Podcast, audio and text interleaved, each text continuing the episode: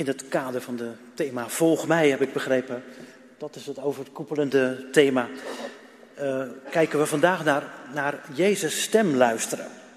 Dan krijg je zo'n opdracht als dominee en dan denk je van nou oké, dat is nog wel even een uitdaging om daar uh, aan te gaan zitten.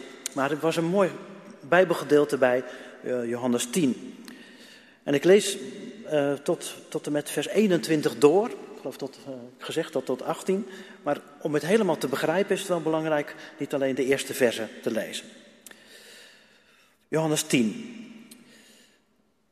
Werkelijk, ik verzeker u, wie de schaapskooi niet binnengaat door de deur, maar ergens anders naar binnen klimt, is een dief of een rover. Wie door de deur naar binnen gaat, is de herder van de schapen. Voor hem doet de bewaker open. De schapen luisteren naar zijn stem hij roept zijn eigen schapen bij hun naam en hij leidt ze naar buiten. Wanneer hij al zijn schapen naar buiten gebracht heeft, loopt hij voor ze uit en de schapen volgen hem omdat ze zijn stem kennen. Iemand anders volgen ze niet. Ze lopen juist van hem weg, omdat ze de stem van een vreemde niet kennen. Jezus vertelde hun deze gelijkenis, maar ze begrepen niet wat hij bedoelde. Daarom vervolgde hij: Werkelijk, ik verzeker u, ik ben de deur voor de schapen. Zij die voor mij kwamen waren allemaal dieven en rovers, maar naar hen hebben de schapen niet geluisterd. Ik ben de deur. Wanneer iemand door mij binnenkomt, zal hij gered, gered worden. Hij zal in en uitlopen en hij zal wijde grond vinden. Een dief komt alleen om te roven, te slachten en te vernietigen. Maar ik ben gekomen om hen het leven te geven in al zijn volheid. Ik ben de goede herder. Een goede herder is bereid zijn leven te geven voor de schapen. Een ingehuurde knecht, iemand die geen herder is en niet de eigenaar van de schapen, laat de schapen in de steek en slaat op de vlucht zodra hij een wolf ziet aankomen. De wolf valt de kudde aan en jaagt de schapen uiteen.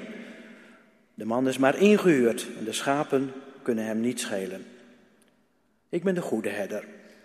Ik ken mijn schapen en mijn schapen kennen mij, zoals de Vader mij kent en ik de Vader ken. Ik geef mijn leven voor de schapen. Maar ik heb ook nog andere schapen die niet uit deze schaapskooi komen. Ook die moet ik hoeden, ook zij zullen naar mijn stem luisteren, dan zal er één kudde zijn met één herder.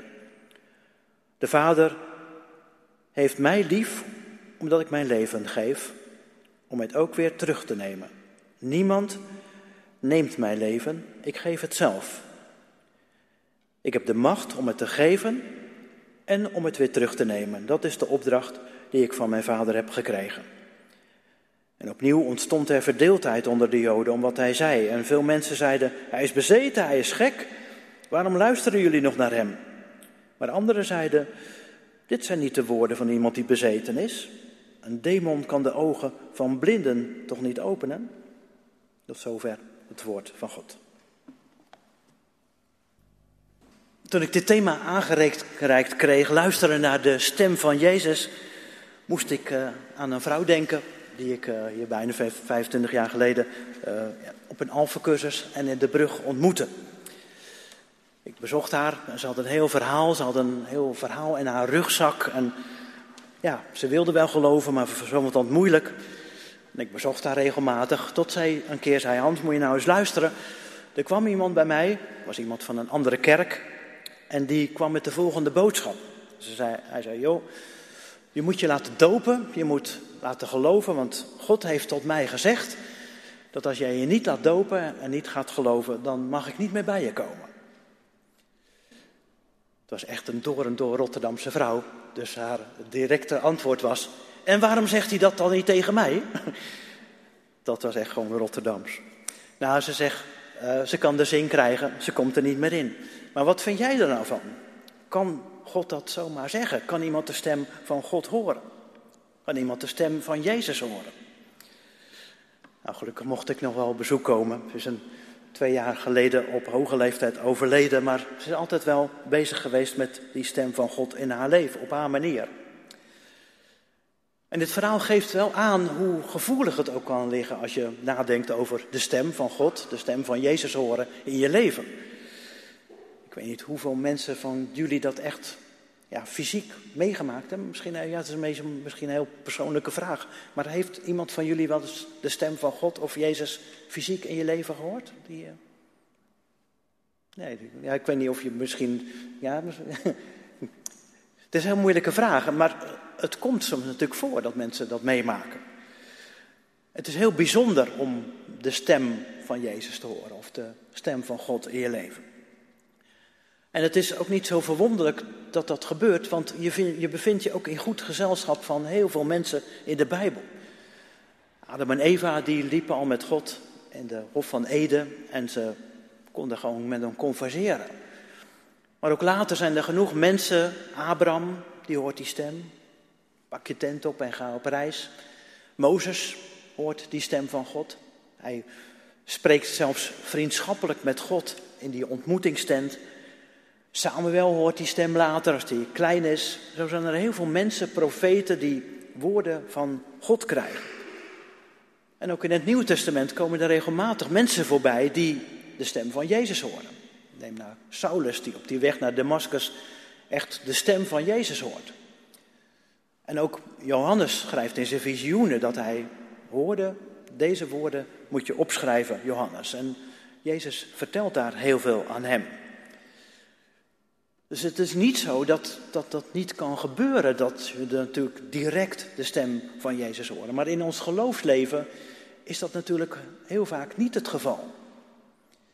En dat kan soms wel eens een keer voor sommige mensen dan ook wel denken, ja, anderen horen dat wel en anderen hoor ik dat niet. Geloof ik wel genoeg? Geloof ik wel goed? En waarom gebeurt het bij iemand wel en bij de ander niet? Het kan heel veel ja, oproepen bij jezelf. Ook misschien aan twijfel of twijfel aan je eigen geloof. Het is daarom altijd heel goed om echt goed naar de Bijbel terug te gaan. En ook in die zin hebben we een heel mooi gedeelte vandaag wat we in Johannes 10 gelezen hebben. Over wat betekent het nou om de stem van Jezus in je leven te horen. Je moet thuis dat Johannes 10 nog maar eens lezen, want het, het is een heel ja, vol hoofdstuk met heel veel lagen er ook in. En eigenlijk begint Jezus met een gelijkenis vertellen. Een, een algemene gelijkenis over goed leiderschap. Goed leiderschap wat ook bij de koningen van Israël hoorde. Dat je herder bent en ja, een herder kent zijn schapen bij name. Hij, hij hoort ze, hij kent ze. Maar ook schapen horen wie hun herder is. En die, die volgen ze. Als er iemand zomaar binnenkomt lopen, dan volgen ze die niet. Dan denken ze wel, ja, bekijk het maar. En vervolgens legt Jezus die gelijkenis uit en hij zegt, ja, ik ben de goede herder. En wat is nou een goede herder? Niet een rover of een dief of een huurling, maar iemand die zijn leven geeft voor zijn schapen. Omdat hij zijn schapen kent, omdat hij eigenaar is, omdat hij ze verdedigt met zijn leven. Daartoe moet je bereid zijn. En ik vind het wel mooi dat dat eigenlijk het betekent dat als we de stem van Jezus horen, dan denk je misschien aan ja, dat je misschien herkent aan eh, de, kleur of, of de, de, zoals je een stem van elkaar herkent. Van, ja, dat is je, je moeder of je broer, omdat je die stem al heel veel gehoord hebt. Maar de stem van Jezus, zegt Jezus, herken je eigenlijk meer om wat hij zegt. Niet zozeer dat je hem herkent. Ik zeg bijvoorbeeld, ik heb een hond bijvoorbeeld. En de, eh, soms zet ik die hond ook als een beetje te plagen. Dan zeg ik gewoon, nou, stinkende haarbal op een hele vriendelijke toon. En dan zit hij mee aan te kijken van, ik hou ook van jou. Zeg maar hij weet niet wat hij zegt natuurlijk. Maar zo is het bij Jezus niet. Het is niet zo dat, dat wij horen naar de stem qua persoonlijkheid, maar we horen wat hij zegt. En daarin herkennen we Jezus. Jezus is degene die de goede herder is en die zijn leven geeft voor zijn schapen. Dus wat Jezus zegt, dat is een belangrijk in het herkennen van die stem. Wie hij is, wat hij doet en hoe hij herder is voor ons. En dat is wel mooi dat, dat we dat ook terugvinden in dat hoofdstuk. Zeker dat laatste stukje wat ik er ook nog bij gelezen heb. Dat, dat onderstreept eigenlijk dat die mensen er eigenlijk, er is een groep die er helemaal op afhaakt en zeggen, ja, hij is bezeten, hij is gek. Die herkennen die stem van Jezus niet. En die herkennen het niet omdat ze op de inhoud afhaken. Als Jezus zegt, ik ben de goede herder, ik geef mijn leven voor mijn schapen, zeggen we, joh, hij is gek, hij is bezeten. Maar anderen zeggen van, ja, maar hij heeft mensen of, bevrijd, uh, hij heeft blinden genezen. Moet, je moet die stem ook vertrouwen en, en wat hij zegt kan ook waar zijn. Zo kan je de stem van Jezus herkennen op de inhoud van wat Jezus zegt. Zo moeten wij ook gewoon wel leren om die stem van Jezus te verstaan. Bij schapen is het ook niet zo dat als je als nieuwe herder bij een schaapkudde komt, dat de schapen zomaar jou gelijk vertrouwen. Nee, je gaat met ze om, ze horen je. En na verloop van tijd word je hun herder. Dan gaan ze je vertrouwen, ze gaan je stem herkennen. En zo is het bij Jezus ook. Soms, ik weet niet hoe dat jullie was, toen je het eerste evangelie hoorde, dat je dacht van ja, het is eigenlijk wel heel vreemd. Gewoon, God wordt mens. Jezus die onder ons leeft en zijn leven geeft voor ons en opstaat uit de dood. Van, dat is bijna gewoon, ja, wie heeft het verzonnen? Ja, niemand dus. Het komt echt van God. En daar moet je in getraind worden om, om dat te begrijpen en te herkennen. Te bevatten. Te herkennen als het evangelie wat uit de mond van Jezus komt. Maar je hielp ook wel dat uh, een Jezuïtische monnik, Sintobin, heeft een boekje geschreven over uh, luisteren naar je gevoel. En dat is wel mooi dat hij eigenlijk ook zegt van je moet luisteren naar je innerlijke stem. Ook gewoon je stem in je en zo je laten leiden ook uh, door, ja, door het leven heen in geloof. Dan zullen een heleboel mensen zeggen tegen hem ook van ja, op je gevoel, uh, dat is nogal risky wat je voelt, want dat, dat kan alle kanten uitkomen. Maar hij zegt ook dat gevoel van je, dat moet ook gevormd worden. En hoe wordt je gevoel gevormd? soort je innerlijke stem, door veel met Jezus om te gaan, naar zijn woorden te luisteren, Bijbel te lezen, te mediteren, te bidden, te zingen. Zo wordt je gevoel, je innerlijke stem gevormd. Je krijgt een innerlijk kompas op wat goed is in het leven en wat je moet doen.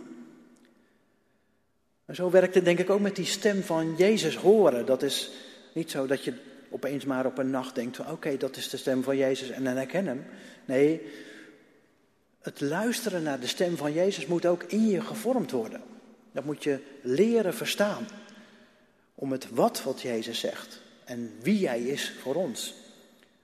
Dat wat Hij zegt over zichzelf, dat wij dat ook kunnen bevatten en herkennen. En ook als kompas voor het leven uit kunnen zetten. Luisteren naar Zijn stem in de Bijbel Luisteren naar het, de stem in jouw eigen geweten, in je gevoel of in het advies van anderen. Het is ook wel een reden om gewoon eens regelmatig ook in de kerk te zitten. Zeker als het nou mooi weer is, dan denk je van ja, misschien uh, kijk jij wel mee vanuit het grasveld nog lekker in de zon. Dat is echt een reden om naar de kerk te komen. Ook gewoon met regelmaat en met trouw. Om je innerlijk kompas te laten vormen door die stem van Jezus. Blijf lezen, blijf zingen, blijf bidden. Open je hart en je ogen en je oren, je leven voor die stem van Jezus. En zo geloof ik dat we die stem van Jezus kunnen horen. En in heel uitzonderlijke gevallen misschien echt fysiek. Dus misschien God echt uh, heel daadwerkelijk wel eens even in wil grijpen, zoals bij Paulus, zo van, en nou is het klaar. Maar ik denk dat we de meeste gevallen dat we de stem van Jezus horen in de Bijbelwoorden, maar ook in de geest om ons heen, in ons gevoel, in die stem die tot ons zegt welke kant we op moeten gaan en hoe we op kompas moeten richten. Maar blijf die herkenning van die stem voeden, door te lezen, door te bidden en te zingen. Zodat wij ons hart kunnen richten op Jezus en ook aan Hem kunnen vragen. Heer, spreek in mijn leven. Wijs mij de goede richting. Vertel wie u bent. En dan geloof ik dat als mensen ook gewoon daar aankomen en zeggen: Ja, ik heb de stem van Jezus gehoord. En als je niet gelooft, dan mag ik niet meer bij je komen. Nou, ik geloof niet dat dat de stem van de goede herder is. Die zijn leven geeft voor zijn schapen. Die echt altijd bereid is om altijd nog weer een mijl met ons mee te gaan, ook al lopen wij een andere kant op. Die als goede herder ook achter ons aankomt om ons uit de shit te halen en weer thuis te brengen. Ik geloof dat die goede herder altijd met ons mee blijft gaan. Hoe twijfelend wij ook zijn, hoe gelovig we ook zijn, hoe ver weg we blijven of hoe ver dichtbij we willen komen. Die goede herder zoekt ons altijd op, want hij geeft zijn leven voor zijn schapen. En die stem mogen we altijd zoeken en herkennen. Amen.